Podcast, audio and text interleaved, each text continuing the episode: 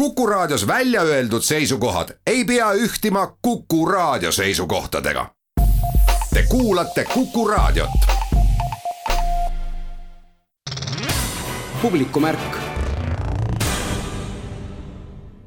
tere ja ilusat laupäeva jätku Kuku raadio kuulajad. eetris on saade Publikumärk ja saatejuhiks on Liis Seljamaa. tänane saade on päris teemaderohke, sest ka august on kultuurisündmuste poolest väga rikas teemad jagunevad pea võrdselt teatri- ja muusikasündmuste vahel.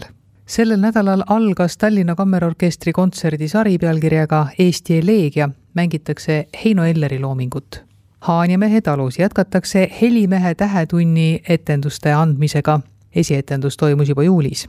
Vaba Lava Narva Teatrikeskus korraldab järgmisel nädalal esmakordselt rahvusvahelise Vabaduse teatrifestivali. programmis astuvad üles mitmed väiketeatrid. Wimbergi debüütromaani Lipamäe ainetel on Olustvere valminud suvelavastus pealkirjaga Maakas. Moostes saab veel täna ja homme osa Mooste Elo Helü folkloorifestivalist. loobumõisa kõrval loodikuivatis võib kümnel korral augustis näha lavastust pealkirjaga Liblikas selle on kirjutanud Andrus Kivirähk ja lavastanud Üllar Saaremäe hakatuseks aga tuleb juttu muusikafestivalist, mis tavaliselt toimub jaanipäeva paiku. heliloojatele kappidele pühendatud kahekümne neljas Suure Jaani muusikafestival on juba teist suve järjest hoopis augustis, kuigi üks traditsioon siiski toimus sellel suvel, nii nagu ta alati on olnud, Hüpassaares suve alguse tervitamine, et aasta kõige lühemal ööl on ikka Hüpassaares toimunud rabakontsert. festivali kunstiline juht Andres Uibo sellest ei tahtnud mitte mingil juhul loobuda. eks ta tuli viimasel minutil ikkagi vist vist rohkem kui viimasel minutil anti luba, et nüüd võite teha, aga meie õnneks on see, et see sookontsert on nagu Suure Jaani festivali kaubamärk olnud, seda teatakse, seetõttu võib-olla, et on meil väike eelis ja vaatamata lühikesele ettevalmistusele, see oli tõesti üks kolm-neli päeva, kui me saime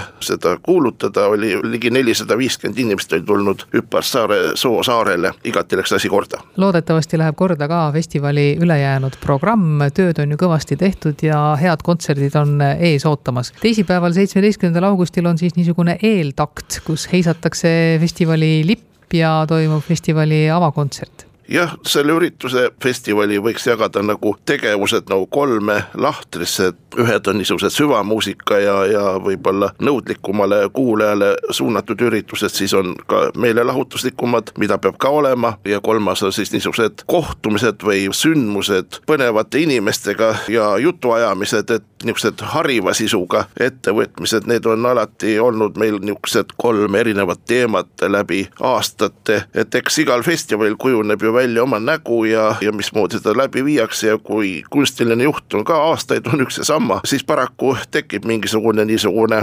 rutiin või heas mõttes tamp, nii ta on, jah. No on ka nii-öelda nagu eraldi päevadeks ära jaotatud see kava, eks ole, on noh, nagu ma ütlesin, siis eeltakt, eks ole, aga siis mõttepäev, siis on veel Olustvere päev, Suure Jaani päev ja nii edasi. jah, vot kuna tegemist on nüüd väga suure vallaga, ühe Eesti vist territoriaalselt kõige suurema vallaga, mis on laienenud kogu aeg, nii et, et vastavalt sellele me oleme oma tegevust pidanud ka laiendama, kuna Suure-Jaani algselt, mis on ka tegelikult tähtis koht ja linn, siis me vallas ka teised elanikud, valla kõige tähtsam üritus seal, siis me peame jõudma valla igasse nurka, niisuguseid kontserdipaiku on vallas väga-väga palju, siis tuleb teha igal aastal karmi valikut keda te esinejatest ise või kohtadest, kus toimuvad sündmused, ise tahaksite välja tuua? häid kohti on väga palju, sest et valla territooriumil on mitu muuseumit, aga üks, mida ma mainisin, on niisugune mõtete ja, ja huvitavate inimestega kohtumise teema, seda me oleme ikka teinud kohvik Arturi juures läbi aegade, see on seal Suure-Jaani Pais järve juures, vesiveski teisel korrusel ja seal me kohtume siis Eba Räätsaga, Igor Gräziniga ja Janek Mägiga. Ja just me tahamegi teada ka nendelt inimestelt, kes erialalt on hoopis teise eriala inimesed, et millist rolli mängib nende elus muusika. kõige suurem orkester seekord tuleb vist alles lõppkontserdil kontserdil, tegemist on siis Pärnu linnaorkestriga.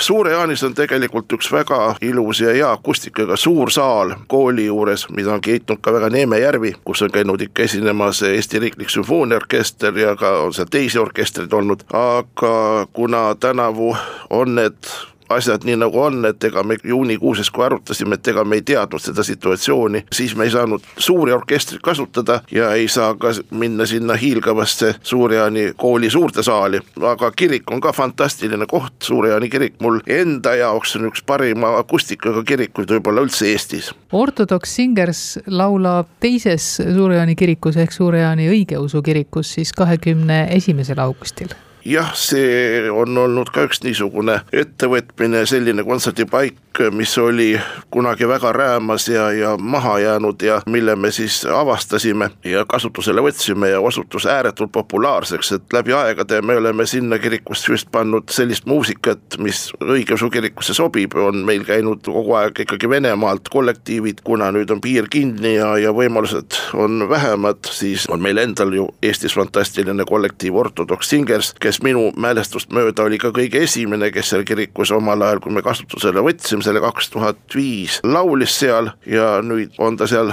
teist korda. Ja kuigi oli juttu, et ERSO ei saa tulla sel korral, siis sümfooniaorkestri keelpillikvartett tuleb küll, nemad annavad kontserdi ka selles Suure-Jaani Johannese kirikus ERSO-gi on üks selline kollektiiv, milline on käinud läbi aastate, kas meil kaheksateist korda vist juba neist kahekümne neljast olnud kohal ja et ERSO on ikkagi meie muusikakollektiivide, üldse muusika lipulaev, siis selle ilma selle nimeta oleks ikkagi väga kurb ühte niisugust üritust läbi viia, siis see ERSO nimi läbi Keelpilli kvarteti ikkagi kõlab ka ja et ERSO sellest kas või kvarteti näol on presenteeritud meie festivalil festivali avakontsert aga seitsmeteistkümnendal augustil kõlab Kondase maja saalis ja seal astuvad üles Arvo Leibur ja Martti Raide jällegi üks suurepärane saal, paljud kammermuusikud, kes on seal nüüd üles astunud, on pidanud seda Eesti üheks parimaks kammersaaliks. Suure-Jaani on üldse väga õnnistatud koht selles suhtes, et väga palju näid kontserdipaiku ja siingi Eesti muusika, Eduard Tubin, Mart Saar, Ester Mägi, Eino Eller, no vot igal festivalil peab olema mingisugune teema või mingisugune eri, eripära ja Suure-Jaani festivalil on ikkagi see, et me tõstame ausse oma eelkäijad,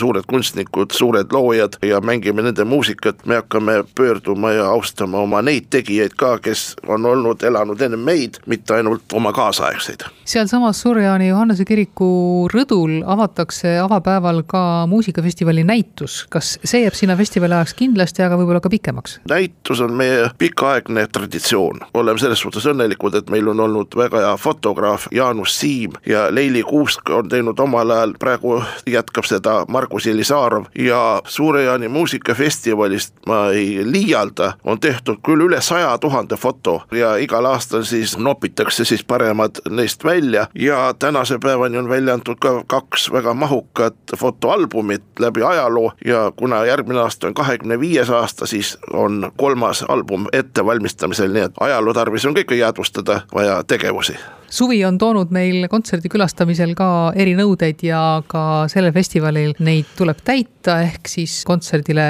tuleksid ainult terved inimesed ja nad saaksid seda ka tõendada. kohapeal ei ole ka testimisvõimalust, see on võib-olla ka oluline teada koha peal jah, testimisvõimalust me ei kavanda, sellepärast et kui kontsert kestab, ütleme tund aega või natuke peale ja see ettevalmistus seal on veerand tundi ja järjekord ja siis ei ole see eriti praktiline, küll on vaja seda tõendit või paberit või mis ta iganes ei ole. Selle näitamine, ettenäitamine läheb ju kiiresti ja sissepääsupileti kõrval, nii et see ei tekita mitte oluliselt niisugust pikemat ajakulu. meil on teatud üritused, näiteks need lõunatunnid, et meil on teada, et see on niisugune kuni viis viiskümmend inimest sinna tuleb, nendel me ei ole, aga me oleme valvsad selles mõttes, et kui äkki peaks tulema, siis me tõmbame pidurit ja, ja, ja käitume nende reeglite järgi, mis on meile kehtestatud. publikumärk Loodi kuivatis Loobu mõisa kõrval on esitendunud teine teatrilavastus, mille on lavastanud Üllar Saaremäe.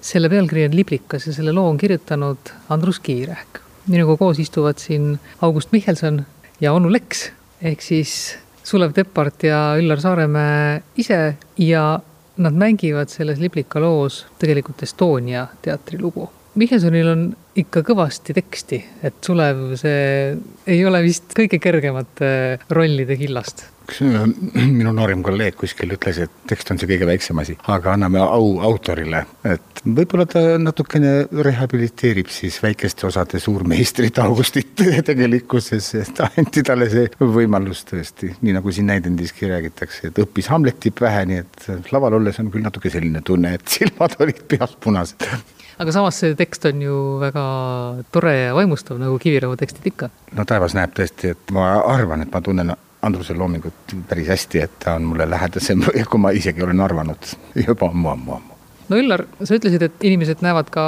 ühtlasi selle loo esimest lavale tulekut üldse, vähemalt draamanäidendina ja see on maailma esietendus, mis toimus üheteistkümnendal augustil. sellest on kirjutatud ooper Tõnu Kõrvitsa poolt aga draamaversioonina tõesti siinsamas Loobu jõe kaldal, kust on pärit ka nimitegelane Erik Kadetski, tema sünnikohas, peaaegu et Liblika lennu kaugusel, siin me mängime maailma esimesi kordi seda lugu. no väga sümboolne koht siis ühesõnaga, küllap sa selleks selle näidendi valisid sellesse kohta? sellega on pikem lugu, see lugu meeldis mulle juba hetkest, kui romaan ilmus üheksakümne üheksandal aastal ja ma olen alati Andrusele seda kiitnud. ja kui ma kohtun äh, noorte teatritudengitega, siis ma kingin neile alati Liblika raamatu ja kuskil viis aastat tagasi saatis ta mulle selle näitemängu, see on tema enda kirjutatud, et äkki kunagi kusagil. ma mõtlesin küll, et millal see kunagi ja kusagil tuleb ja miks üldse, eks ole, Estonia lugu kusagil mujal mängida, kuni mind tabas kui välgusähvatus teadasaamine, et Tetski on minu naabriplika. ma elan täpselt samas külas, Arbavere külas, Liblika lennult, nagu ma ütlesin, kolm-nelisada meetrit. siis oli saatuse sõrm minu poole suunatud ja hakkasin truppi kokku panema. no nii nagu seesama Mihkelson ütleb, et ega siin õhtu jooksul äh, räägitakse ikka palju niisuguseid lugusid, mida ju tegelikult pole olnud, mis on äh, välja mõeldud või kes seda teab, kuidas need asjad olid, eks ole. aga see Estonia teatri lugu on kuidagi nagu paelunud ja paelub seda Eesti näitleja rahvast ennast ka, ma mõtlesin mitte ühestki teisest teatrist ega teatrirahvast ei ole nii palju vist näitemänge tehtud. alustajad, see määrab kõik selle, selle nii-öelda ajaloolises mõõtmes selle tähenduse. see on see verstapost, no kõik, kõik noh, siit hakkame mõõtma, siit on kultuuri nii-öelda see lähtekoht. no alustas muidugi Vanemuine siiski no,. küll, küll, aga ütleme siis selles Estonia tähenduses ja selle pealinna või no kuidas ma siis ütlen, noh tuiksoone nii-öelda seal selle elujõulisus ja kehtestamine ja see, ma arvan küll, et see on see primaarsem selles et me võime siin ju vaielda, et kas Estonia oli esimene professionaalne teater või oli Vanemuine, aga tegelikult ikkagi ma arvan, et oli Estonia siiski esimene professionaalne teater, kus hakkasid toimuma nii-öelda etendused palgaliste näitlejate osavõtul läbilõikes ma kujutan ette, et need lood on äh, võrdlemisi sarnased selles osas, et eks seal Estonia selles trupi sees ikkagi nagu lustiti päris hoolega või?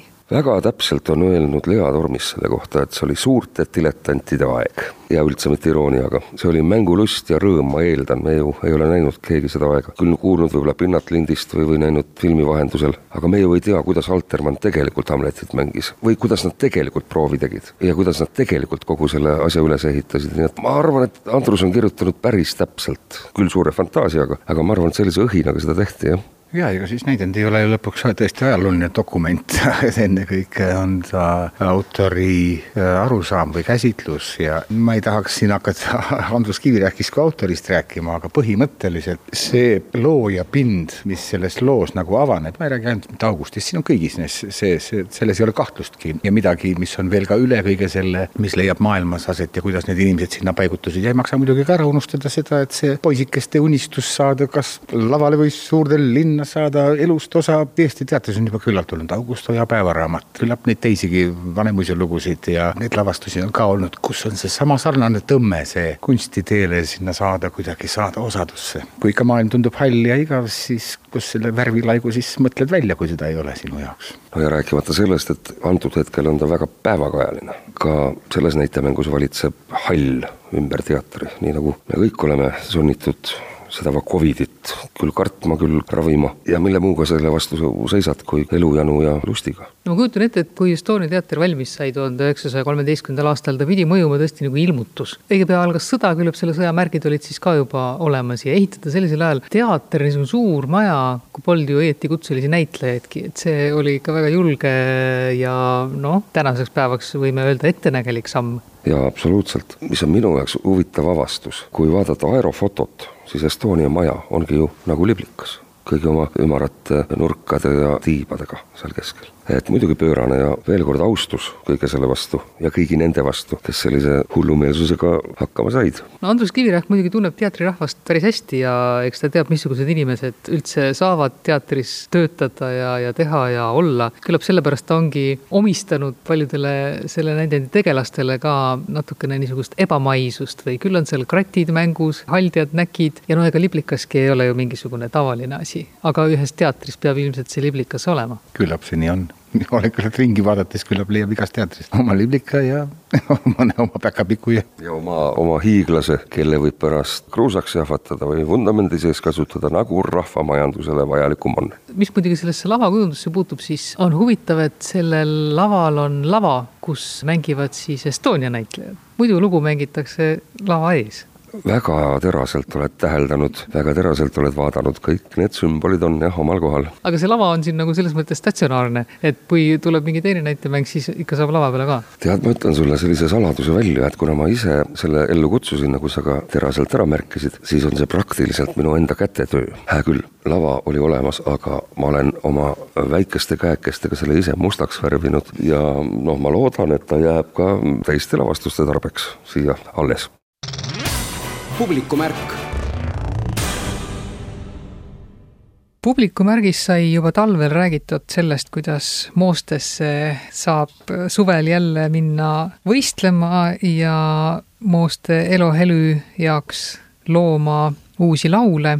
Nüüd on see aeg kätte jõudnud. festival on õieti juba alanud, avatseremoonia oli eile ja täna-homme on veel täisprogramm. festivali projektijuht Liivi Tamm, eelmisel suvel me juba rääkisime, et tegelikult on augustis päris tore festivali pidada, et sellel aastal paistab juba, et saab traditsioon sellest tundub nii jaa, et äh, augustis meeldis ja sellepärast äh, otsustasime ka tänavu augustis seda asja teha. eks äh, loomulikult on päris palju sellist ümberkorraldamist, mingisuguseid segadusi, nõuete muutumisi ja selliseid asju, aga see, et festival toimub, see on kindel tunne jah, ikka päris mitu kuud juba no festivali maskotid on niisugune tore kanaperekond. See on inspireeritud meie festivali teemast, et kui eelmisel aastal olid pulmad ja said kukekana kokku, tänavu on lisandunud ka tibu ehk siis Tsuu-Tsuu suurõmbas ja kogu kasvamise temaatika ja ka festivali kohustuslik lugu on tänavu Hällilaul Pauliine Pehlaku poolt laulduna, et selliseid laulumänge ja ühiseid kulgemisi mõisa vahel ja sellist mängulisust kohtab tänavu päris palju Moostes. no Mooste mõis on rahvale avatud terve laupäevase päeva, õigemini laupäeva hommikust alates juba ja seal on vaadata väga palju. päevaprogramm ikkagi vältab kuni õhtuni ja õhtul on siis oma programm veel Moost on tõesti selle poolest selline üllatus ja imesid täis paik, et on minulgi tundunud, et nüüd olen ma kõik need Moosta nurgad ära näinud ja ikka ilmub kuskilt pööningust või keldrist veel mõni saal, et äh, nii on ka tänavu meil Mooste aidas on esimest korda siis kontserdid, avame ka selle ruumi rahvale, et mida keegi pole varem näinudki. päeval siis tõesti vaatame erinevaid mõisahooneid, teeme kontserte, näitame ka kodasid, kes on avatud ja loomulikult teeme mõisas ekskursiooni kõigile soovijatele, et saab siis lähemalt uudistada kõike. kes neid lühikontserte annavad? Lühikontserte annavad erinevad ansamblid, kes on siis äh, registreerunud, et on äh, väga tore, et on paljud tulnud tagasi, kes on ka eelmistel aastatel meil käinud, näiteks ka eelmise aasta äh, võistluskontserdi võitjad, Eva ja Robbie annavad enda poolt kontserte, pikema kontserdiga mitmed ka võistlejad astuvad ülesse. no ja õhtusel kontserdil Folgikojas on ikkagi juba päris noh, ütleme staarid, untsakad ehivad ju igat folki, aga Trio Lumi ja ETV Tütarlastekoor, ma ei tea, kas ETV Tütarlastekoor on varem käinud teil? ei ole varem käinud, aga tulevad äh, oma tormise kavaga suisa kolmekümnekesi, nii et väga ootame neid öökontsert Õed-vennad Ristikheinad vähendatud koosseisus, nemad on ka üks äh, nendest, kes siis järgmisel päeval võistlevad ka just nii, äh, õhtusel kontserdil küll õed-vennad ristikeinad vähendatud koosseisus tulevad siis koos kahe sõbraga, Helina ja Claudiaga, nii et teevad sellise kvarteti kontserdi, aga ma usun, et see kontsert saab olema väga lõbus ja meeleolukas, et nad on selles mõttes väga ahvad, et juba vist nüüd viies järjestikune aasta on nemad alati kohal ja teevad rõõmu ja meele heaks meil kõigil pühapäeval õnnestub ehk ka õpitubasid läbi viia, aga Aida kontserdid pühapäeval päevasel ajal on niisugused, mis toovad ka kohalikku rahvast lavale? jaa, et Aidas toimub pühapäeval meil selline huvitav programm, mis on pühendatud just nimelt noortele, siis erinevad noorte koosseisud äh, astuvad üles, näitavad nii seda, mida nad on õpitubades õppinud, kui ka seda, mida nad on enne kodus ette valmistanud, teiste seas jah, kindlasti on ka Mooste Rahvamuusikakool üks neist, kelle kontserti huviga siin ootame juba. ja päris huvitav asi on Võro-Seto laulumängud pärastlõunal, ühelt poolt võrukad, teiselt poolt setod hakkavad siis kah mitte nüüd võistu laulma, aga siis koos laulma pigem või? jah, näitavad siis neid laulumänge, nende sarnasusi, nende erinevusi, alustame Moostes küla vahelt, liigume nende laulumängudega folgikojani, kutsume ka rahvast kõiki kaasa lööma. et see ei ole selline saalis istumise kontsert, vaid ei. see on selline elav ja aktiivne, et kus siis minema hakatakse, Aida juurest hakatakse minema folgikotta? Natukene enne Aita juba on see kogunemispaik, meil me tähistame selle ära, sinna tulevad siis esitajad kokku ja tantsijad ja pillimehed ja siis me sealt hakkamegi minema nende laulude ja mängudega aga suur võistluskontsert algab folgikojas pärastlõunal kell neli, palju neid esinejaid seal siis seekord on või võistlejaid? Tänavu on meil viisteist võistlejat, et on rohkem kui mullu, et tegelikult see ongi esimene kord, kui võistluskontsert toimub pühapäevasel päeval ja varasema alguskellaajaga, et lihtsalt neid tulijaid ja soovijaid festivalil oli tänavu nii palju, et oleks olnud päris kahju, äh, kui me oleks pidanud lihtsalt sellepärast, et ajakavasse ei mahu äh, ära ütlema, nii et me pikendasime oma festivali aega ühe päeva võrra ja tänavu ongi see, kogu see asi natuke põhjalikum, kui ta on isegi varem olnud. kuna need äh, võistlejad on tõesti väga-väga eriilmelised, tänavu, et seal on nii sooloartiste, selliseid, ma ei tea, ka puhkpilliorkester meil äh, lavale tulemas, nii et äh, ma arvan, et see hällilaul saab vist olema küll selline, et seda ma küll ei luba, julge nagu lubada, et see väga uinutav saab olema alati. puhkpilliorkestriga ilmselt mitte, jah. publikumärk Olustere mõisakompleks on nii suur, et siin võib korraga teha teatrit päris erinevates kohtades ja eks siin on tehtud erinevates kohtades teatrit ka. nüüd siis mõisa tallihoovis esietendunud lavastus pealkirjaga Maakas.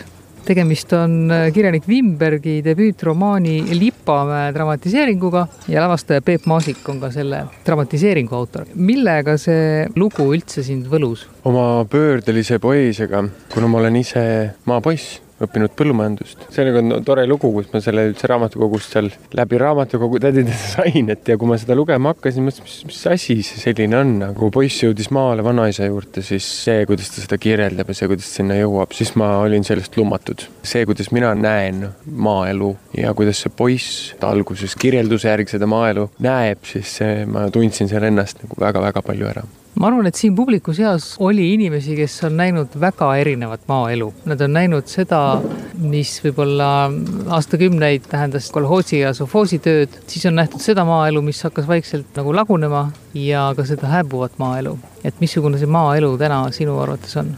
mul on kahju sellest natukene milline ta on, sest et kui ma olin ise kaksteist ja alustasin põllumajandusega suhet siis meil oli kolmkümmend lehma seal talus, kus ma töötasin sulasena. naabrimees pressis, meie niitsime, mina sain karutada, silo tehti koos, ettevõtmised olid koos, see oli, need olid suured sündmused. tänapäeval on see selline on vaja ära teha, millest mingil hetkel ma saan nagu aru ka, ma ei mõista seda hukka, aga mul on natuke kahju sellest, et selle raske töö kõrvalt see teatav ilu või kerglus on nagu ära kadunud. meil ei ole enam neid kolme lehma ja kanakarjaga talupidajaid kahjuks, et mis võiks olla minu arvates. no aga teisest küljest on see maaelu läinud palju kergemaks, suure hulga tööd teevad ära masinad, raske töö, mida inimesed pidid tegema noh, kas siis kehvemate masinatega või hoidku taevas käsitsi.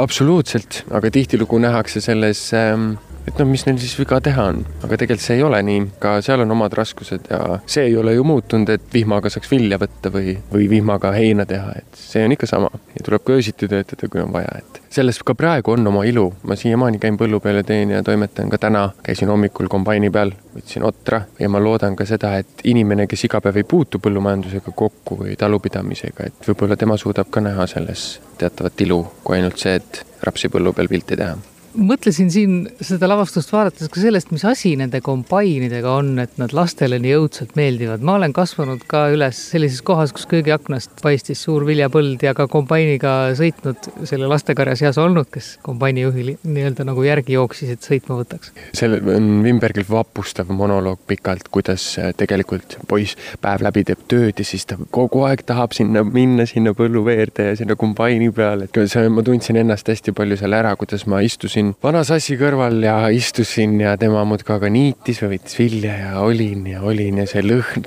see kõik, see on midagi täiesti teistsugust. ja loomulikult see ei saa ju ära unustada ka seda, et suured masinad on ka huvitavad, kuidas nad töötavad ja see kõik ja see on ju võimas tunne, kui ma saan seal peal olla. põnevus kogu selle maaelu vastu selles loos on ikkagi selline müstiline noot on sees. eks ta ikkagi ainest äh, olen ma võtnud ikkagi Wimbergilt. Wimbergil on see asi veel müstilisem ja veel äh, kuskil hüpermaagilises teises universumis töötav asi, et ma kõvasti lihtsustasin seda romaani ja tegin teatavad valikud, sest sellest romaanist saaks teha kolm täiesti erinevat lugu veel. aga see müstilisus just, sest et see maaelu on üks müstiline organism, iga aasta on ta totaalselt erinev no selles loos need müstilised jõud töötavad nagu vastu et nad ei taha, et elu oleks ja jätkuks ja kui ta visalt ikkagi nagu ajab oma juured, siis nad tahavad, et see ära läheks. see on nüüd see minu kreedo selle asja juures, et meie talunikud, kes meil igal pool on, et eks me ju kõik teame, kuidas asjad üheksakümnendatel toimusid ja kuidas metsad ja maad tegelikult kätte saadi ja nii, et see võib-olla on see, mis ajab vastu, et või siis on see hoopis ühe poisi suur sisemonoloog läbi selle, et mis otsuseid ma oma elus teen, et kas ma tahan siin olla või ma tahan linnas olla või või, või mis ma üldse tegema peaksin, kas ma tahan kirjutada või kas ma tahan lavastada või ma tahan talupidajaks saada, ma ei tea ja tegelikult on väga normaalne ja inimlik võtta see hetk ja rahulikult korra mõelda, sest et niiviisi me saame vast õnnelikud olla. et võib-olla see lavastus on see, et äkki ma võtan endale need kanad. ka minu enda suur unistus on see, et mul on kunagi oma talu ja see talu ei pea olema ilmatuma suur, aga mul on oma talu, kus mul on, ongi lehmad ja võib-olla sead ja mõni kana ja natukene võib-olla teen vilja ja ja kui seda on võimalik teha veel mingisuguse teistsuguse töö kõrvalt, nagu tegelikult meie naaberriikides ja natukene kaugemal on näha, et need asjad toimivad niiviisi, et sa võid olla poes kassapidaja ja minna koju ja oma loomak ära lüpsta ja kõik on väga hästi ja inimesed on väga õnnelikud. no selle lavastuse puhul ilmselt need seinad, mis moodustavad selle tallihoovi, toetavad väga? mulle see koht, kui ma seda nägin, noh, kuna ma olen tegelikult ju siin õppinud Olusteres põllumajandust ja, ja kui ma seda kohta siis üle pika uuesti nägin, siis siis ma tundsin, et see võiks olla nagu see koht, kuhu tekitada see niinimetatud libamäe, et oma teatavas kivi külmuses ja raskuses, aga samas ümbritsevad meid puud ja, ja ilus taevas, siis selles on mingisugune väga huvitav sümbioos ja see atmosfäär läheb minu jaoks siin väga kenasti tööle, mis selle tüki puhul hästi tugevalt mängib ma kujutan ette, et lavastus paljude jaoks võib olla nostalgiline, siis minu jaoks juba see lavastusprotsess siin oli väga nostalgiline, et kus me siin näitlejatega käisime koolis sees, ma näitasin neile oma pilti, kus mul lõpu, lõpupilt oli kõik ja, ja kus ma traktoriga oleks peaaegu vastu puud sõitnud kooli ajal ja muidugi sööklatädid ja see söök, see kõik, ja trupp on selle väga toredalt vastu võtnud ja siin ka koos toimetanud, et siin on mõnus teha seda lavastust mängitakse ka, no ütleme selle näitemängu koha peal tähendusrikkal ajal viljavõtmine käib parajasti. muidugi siis, kui te lõpetate, siis vist on kõik põllud juba puhtad ka no peaaegu, ütleme, me lõpetame august, viimane etendus on siis kakskümmend kaheksa august, et siis veel ikkagi võib-olla seal suvirapsi äkki veel võetakse, ma arvan, et või uba või midagi sellist. tänavu aasta muidugi on viljad ka varem valmis saanud meie suurest kuumusest, mis meil siin oli, nii et mine sa tea, võib-olla ma arvan, et meie lõpetame oma sellesuvised etendused täpselt viljavõtu lõpuga. publikumärk Vaba Lava Narva Teatrikeskus korraldab vahetult enne taasiseseisvumispäeva selle ajal ja natuke ka peale seda esimest korda rahvusvahelise Vabaduse teatrifestivali. see toimub kõik Narvas seitsmeteistkümnendast kahekümne esimese augustini. me räägime Vaba Lava juhi Märt Meosega. kõigepealt, kui ma vaatan kava, siis tegelikult mõned asjad algavad juba sellel nädalavahetusel, ehk siis mõned lavastused, mida saab Vaba Lava ruumes vaadata jah, sügisel oli Marius Ivaskevitšuse kuraatorprogrammis Inimesed ja numbrid ja tegime seda Tallinnas. aga kui me saime aru, et seda oleks väga huvitav teha ka Narvas, siis palusime lavastajatelt ja näitetrupilt, et nad natuke süveneksid sellesse Narva teemasse ja, ja nüüd tuleb selline Narva spetsial, et käiakse mööda Narva kodusid ja seda mängitakse siis üheksateistkümnendani, see on selline natuke teistmoodi vormiga etendus, et inimestel on võimalus siis sõita mööda mööda Narva inimeste kodusid ja näitleja on kogu aeg kõrval, kes siis räägib Narva inimeste elatustasemest ja erinevatest sissetulekutest ja nii edasi, nii edasi ja sõidetakse läbi siis erinevaid korterid kui ma tõin intervjuu alguses paralleeli või seostasin meie taasiseseisvumispäevaga seda festivali, siis kui palju seda seost tegelikult on? sellega on väga tugev seos, sellepärast et me sellel perioodil teeme Vabaduse festivali, see ei ole juhuslik ja et esimene festival satub kokku iseseisvuse taastamise kolmekümnenda aastapäevaga, et see on noh, meie jaoks väga oluline. me räägime vabadusest just sel päeval. tegelikult me ju keskendume Ida-Euroopa väiketeatritele ja keskendume nendele teemadele, mis on tegelikult olulised ja võib-olla siin Covidi valguses veel olulisemaks muutunud, tsensuur, vabaduse kärpimine ja nii edasi, nii edasi, et selles mõttes on see seos väga tugev. väiketeatrid tegelikult tegutseb kogu maailmas päris palju. kui tihti nad noh, nii-öelda nagu oma sõnaga laiemalt saavad kusagile levida, see olenebki just niisugustest festivalidest, nagu see, mis meil praegu tulemas on, et kuidasmoodi need lavastused on leitud? eks meil ole kuraatoriteks Oleg Olevski ja Jelena Kovalskaja, Meerholdi keskuse juht, et nemad on aidanud sellist idapoolseid väiketeatrit valida. teisalt siit Euroopa poolt oleme me ise, ka mina olen hästi palju festivalidel sõitnud ja,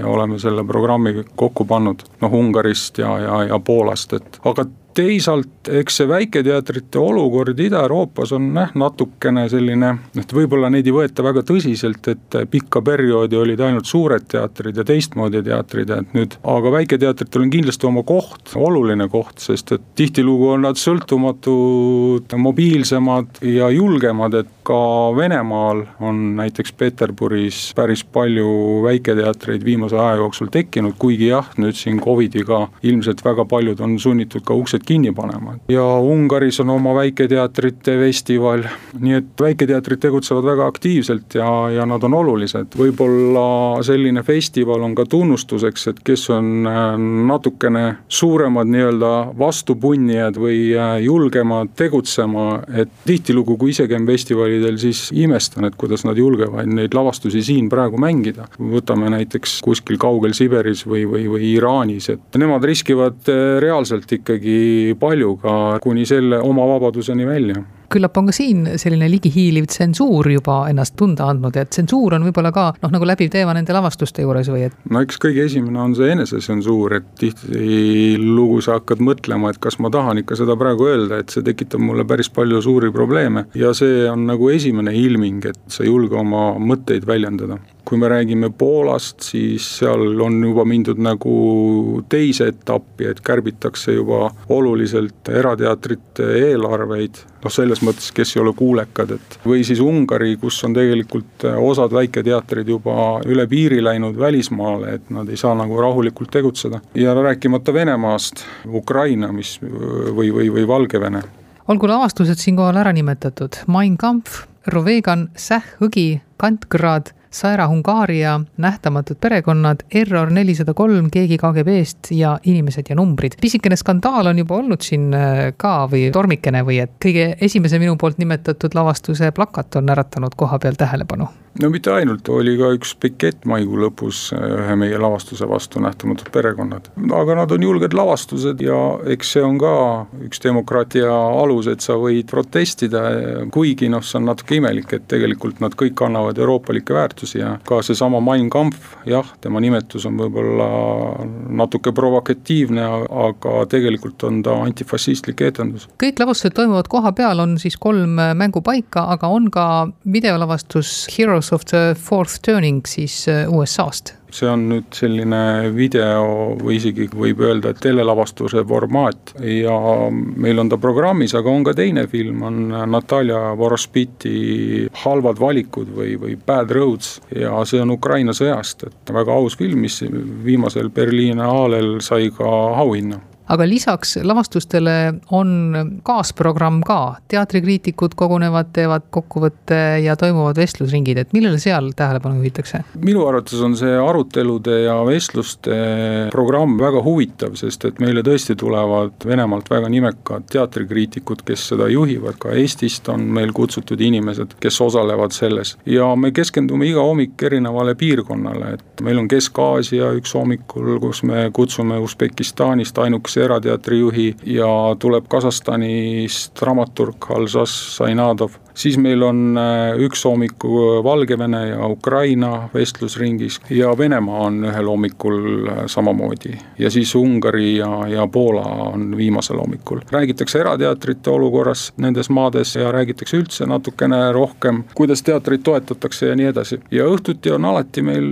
juhtivate kriitikute selline päevakokkuvõte, et kus nad arutlevad, mida nad päeval nägid ja analüüsivad igal õhtul toimub kontsert ka ja loomulikult kahekümnendal, kui on ikkagi tähistamist vääriv päev, siis on kooslaulupidu Sõida tasa üle silla. selle korraldajaks on Narva Eesti Keele Maja. see oli juba varem programmis ja see ongi iseseisvuse taastamise kolmekümnenda aastapäeva programmis, aga me ei pannud nimme sellele õhtule ühtegi lavastust, et kõigil külalistel ja, ja teatrikülastajatel oleks võimalik seda kontserti Narvas minna kuulama ja ise ka kaasa laulma. kogu selle festivali toimumine Narvas, see Narva asukoht ja kultuurisild on väga õige koht selle festivali korraldamiseks. kuidas te tunnete, et Narva võtab vastu seda festivali? oleme ääretult keerulises olukorras nii või teisiti praegu selle Covidiga ja, aga me ikkagi loodame ja, ja, ja piletimüük on kogu aeg elavnenud ja, ja kindlasti ei ole see ainult kohalik üritus, et ma tean, et väga paljud sõidavad ka Tallinnast ja Tartust festivalile, et see kindlasti tasub ettevõtmist, see on minu arvates, meil on õnnestunud väga tugev programm kokku panna. kogu informatsiooni saab kätte vabadusefestival.ee leheküljelt, seal on programm üleval ja, ja etendused ja, ja, ja lingid ka, kuidas piletit osta. publikumärk. ma ei tea, missugune võiks olla Helimehe tähetund võib-olla on Helimehe tähetund tõesti see, kui äh, ootamatult on publik tulnud kontserdile mille bändimehed arvavad, et kontsert peaks toimuma järgmisel päeval. helimees võib-olla võtabki siis kontserdi publiku üle. Kalle Sepp, kas on mõni niisugune helimees sinu teada, kes võiks vabalt täita ära õhtu, mille muidu täidab bänd? Ma tean küll väga-väga häid helimehi, aga võib-olla mõni on tõesti kes võtab pilli kätte ja teeb mingi kontsert, ise mingi kontserdi, ma arvan, et kurat, ju neid ikka on. me ikka harjutasime, et tegelikult meil on nagu sihuke harjutatud kava nagu, päris eksprompt kõik ei ole aga minu kogemuse järgi helimehed on äh, ka muusikaliselt tegelikult täitsa haritud, oskavad pilli mängida, võib-olla oskavad ka laulda, nii et teoreetiliselt oleks see täitsa võimalik. on, on, õudselt meeldib üks selline helimees, Toomas Paidra, kes on ise akadeemia minu meelest isegi lõpetanud, minu meelest on otsaga lõpetatud akadeemia ka, ta valdab noodikirja imehästi. Ja neid on muidugi veel, kes mängivad pille, et neid, näiteks sama Andres Tomingas, kes mulle hästi palju siia nii-öelda ideid andis, ta on ka ise bändi teinud ja me oleme koos teinud, et selles mõttes, et ma arvan, et neid selliseid väga musikaalseid helimehi on, on küllaga millal sul see taoline mõte üldse tekkis? noh, nüüd on siis laval juba nii palju oldud, et võib siis ette võtta ka sellise ühe mehe show. selle mõtte pani mulle pähe üldse Andrus Vaarik, ma arvan, et mingi neli aastat tagasi, ütles, et kuule, Kalle, et sa peaksid proovima seda rekvisiitori tähetundi. ja siis eelmine sügis võtsin julguse kokku, läksin Aini juurde, Meelatsa juurde ja teeks seda rekvisiitori tähetundi. väga hea mõte lugesin mina läbi, luges Ain läbi ja kuidagi tundus, et on veits nagu selline vanamoodne, et hästi palju peaks muutma ja seal on ka õudselt tähtis, et sul peab olema niisugune koduteater, noh et meie teatris on nii ja meie teatris on naa ja meil on sellised näitlejad ja sellised lauljad ja, ja seda mul nagu pole ka, ei osanudki midagi teha, siis Ain üks päev helistab, kirjutame ise. Ja kirjutame helimeestest, sest meil mõned aastad tagasi, kui sai tehtud La La Lady'stega niisugust Hansahofis sellist suvetükki, siis seal ma mängisin ühte helimeest ja nii tuli, et nüüd siis me terve talv läbi seda kirjutasime. no minu arvates, nii nagu helimehed jagunevad jah ja ei meesteks, on publik laias laastus ka selline, et ühtesid huvitab, mis lava taga toimub ja teisi see absoluutselt ei huvita, mis lava taga toimub. jah, eks ta nii ole, aga me, me üritasime ka kuidagi seda nagu äh, jätta selliseks lihtsaks või et mitte väga tehniliseks seda kogu värki ajada, et ma arvan, et ükski publik ei viitsi kuulata siin, kuidas me räägime mingisugustest XLR-idest, noh, või milline pult on kõige parem. võtsime sellise lihtsama variandi selline mees on ka hästi musikaalne ja teab palju anekdoote ja sihuke rahva mees. aga miks on bassimeestest rohkem anekdoote kui teistest ja, või on see müüt? Ma ei tea, aga nendest on õudselt palju anekdoote minu meelest ja kogu aeg tehakse neid maha, ma arvan, et see on sellepärast, et nad ongi ilgelt head, noh. tavaliselt bassimehed on, on bändis, on tõesti kõige paremad vennad, noh, kunagi ei pea muretsema nende pärast, neil on alati lood selged ja mitte midagi nad maha ei jäta ja kõik on nagu tipp-topp, et ju see sellepärast on. ja äh, ütleme bassimeeste kiituseks veel, et bassimees võib-olla noh, näiteks saab ka laulmisega hakkama, laulja bassi mängimisega tihtilugu ei saa. jaa, täpselt, ei saa jah. no kui kaua sinu kogemuse järgi üks selline keskmine soundcheck tavaliselt kestab? Meil oma bändiga läheb suhteliselt lihtsalt kuidagi, meil ei ole tihtipeale helimeestki kaasas, et meil on kuidagi aga, aga noh, see kõik olenebki hästi palju, oleneb kohast ja, ja tujudest ja kõikidest muudest ja et ega siis kidramehed ei ole ainukesed primadonnad, seal võib teisi primadonnasid võib ka veel välja tulla nurgast, et aga ma nagu laevaaegadest mäletan seda, kus nagu ma ei hakka nimesid nimetama, aga kitarristile öeldi puldist, et kuule, viitsid panema võim veidi vaiksemaks ja siis ma nägin, kuidas pani niimoodi, lihtsalt keeras niimoodi, nõks panen peale veel. säh sulle, see on sinu asi selle helimehe asi, kuidas see peaks nagu äh, saali jõudma, et ei lasta öelda endale midagi, et aga noh, mis on võib-olla mõnes mõttes okei okay, ka. Aga kui need näited ongi niimoodi otse elust, et Eestis ju kõik tunnevad ju kõiki, et või paneb võib-olla pahaks? ei tea, ma ei tea, minu meelest küll kellelegi liiga ei teinud, ma ikka hoidsin hästi tagasi seda ka, et, et me ei, ei läheks nagu kuidagi teravaks ja selle kohta on Elvis kunagi öelnud hästi hea lause mingi aastal seitsekümmend kaks, et ära kritiseeri seda meest, sest sa ei ole tema kingades kunagi sammunud et ma arvan, et me praegu oleme ikka väga leebed olnud selles mõttes, et pigem nagu selline lõbus tagamine. mängimise käigus võib-olla nagu täieneb, tuleb juurde mingeid lugusid ja siis inimesed võib-olla tahavadki, et sa need parodeeriksid. jaa, ei, miks mitte, no näiteks Tanja käest ma reaalselt ikka küsisin ka, et kuule, ma panin su sinna tüki sisse, siis ta ütles, mis sa panid sinna ütlesin, et ma panin selle kosmose teema, aa, see on okei okay. kui hõlpsalt see parodeerimise asi sul tuleb üldse? Mingid asjad tulevad lihtsalt, et selles mõttes neid on siin, me oleme ka kõvasti ära kasutanud neid, mis nagu lihtsalt tulevad. aga siin on ka tähtis nagu järjekord, mis on nagu Ainil lavastaja poolt nagu paika pandud ka, et me ei ole pannud ka sarnaseid asju nagu järjest, et kui sa jätad väikse vahe vahele, teed hoopis krapsi vahepeal, siis Kalmer Tõnustusjärve Georg Ots tunduvad täiesti erinevad. Ain on väga kaval lavastaja, ta teab küll, kuidas teha. no teie koostöö on Ainiga olnud kui pikk juba? me oleme teinud ikka palju muusikale koos ja palju mingeid niisuguseid väikseid sutsakaid ja noh, Vana klaver ja see La La Lady's ja kunagi tegime Shreki koos ja tema teab, mis, milleks ma võimeline olen ja mina tean, et ta on väga hea lavastaja. millist rolli selle lavastuse sünni juures mängib ja mängis Haanja mehe talu? ma sain aru, et Ain on plaaninud siin juba päris mitu aastat teha mingisugust suvetükki, kuna see lava on suhteliselt pisikene ka, et seal nagu väga suurt asja nagu teha ei saa ka, et siis tuli selline mõte, et prooviks siin. ja praegu tundub, et saalis on nagu kolm etendust on täitsa peaaegu täis saalile olnud, et tundub, et nagu õigustas see koht. ilus on ka siin. publikumärk Tõnu Kaljuste teeb Tallinna Kammerorkestriga jälle tänuväärset tööd, et viia Eesti muusikat ka väikestesse kohtadesse, kus väga tihti seda kuulda võib-olla ei ole. Ja Heino Elleri Eesti Leegia nimeline kontsertisari on just üks selline, nagu me näeme esimeste kontsertide pealt, siis inimesed on väga rõõmsad selle üle, et see muusika jõuab väikestesse kohtadesse. ja, on põhjust, ilus muusika ja mis peaks nagu praeguse ajaga väga hästi resoneerima. mille poolest ta resoneerib just praeguse ajaga väga hästi? sellepärast, et Eller ei olnud lihtsate variantide ja lihtsate juttude rääkija muusikas. kõik, mis ta tegi, oli väga läbimõeldud ja sügavuti alati läbi tunnetatud, mis ta kirja pani. ja kui nüüd niisugust kunsti pakkuda inimestele, siis see peaks noh, resoneerima just selles mõttes, et hästi palju on ju õhus, ma ei ütle, et noh, niisugune pealiskaudsust, aga ikkagi noh, niisuguseid visklevaid ja ühe päeva mõtteid.